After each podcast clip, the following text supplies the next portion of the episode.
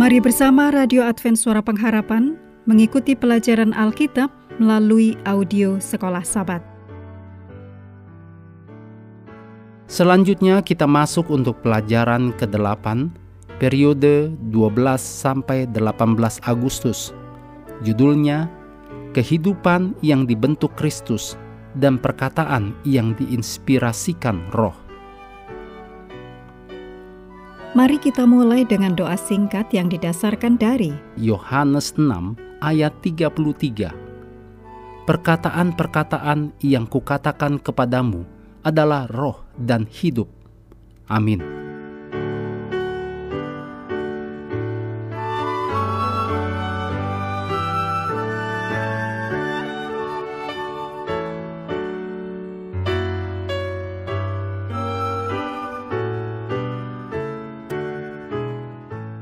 Untuk sahabat petang tanggal 12 Agustus, untuk pelajaran pekan ini, bacalah Efesus 4 ayat 17 sampai 32. Kolose 3 ayat 1 sampai 17. Zakaria 3 ayat 3 sampai 5.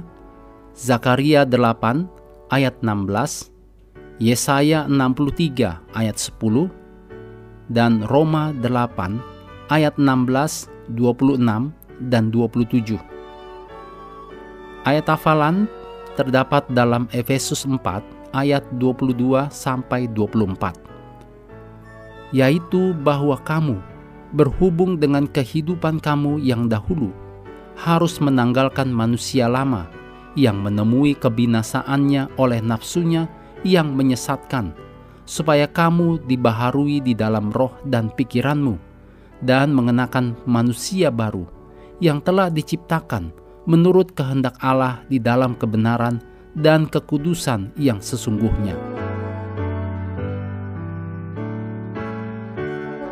Jose Antonio tinggal di jalanan Palma di negara Spanyol. Sebagai seorang pria tunawisma selama bertahun-tahun.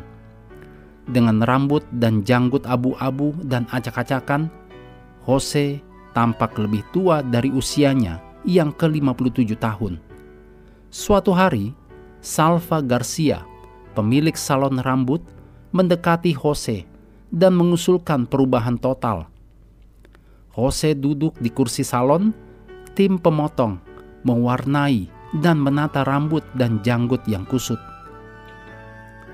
Selanjutnya, Jose kemudian mendapatkan baju baru yang bergaya Kemudian saatnya untuk memperlihatkan hasil. Saat Jose duduk di depan cermin, air matanya mengalir. Apakah ini saya? Saya sangat berbeda. Tidak ada yang akan mengenali saya. Kemudian dia menambahkan, "Itu bukan hanya perubahan penampilan, itu mengubah hidup saya." Dalam Efesus 4 ayat 17 sampai 32, Paulus memperlihatkan bahwa orang percaya mengalami transformasi total. Mereka telah melepas diri mereka yang lama dan telah menerima identitas mereka yang baru. Meskipun agak mirip dengan perubahan Hose, ini bukan hanya transformasi secara luar.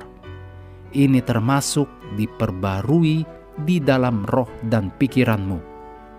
Demikian ditulis dalam Efesus 4 ayat 23. Membawa ke dalam kehidupan kebenaran dan kekudusan yang sesungguhnya. Ditulis dalam Efesus 4 ayat 23. Ini adalah perubahan yang paling akhir. Mengakhiri pelajaran hari ini, kami terus mendorong Anda bersekutu dengan Tuhan setiap hari bersama dengan seluruh anggota keluarga, baik melalui renungan harian, pelajaran sekolah sahabat, dan bacaan Alkitab sedunia, percayalah kepada nabi-nabinya, yang untuk hari ini melanjutkan dari Mazmur pasal 98. Tuhan memberkati kita semua.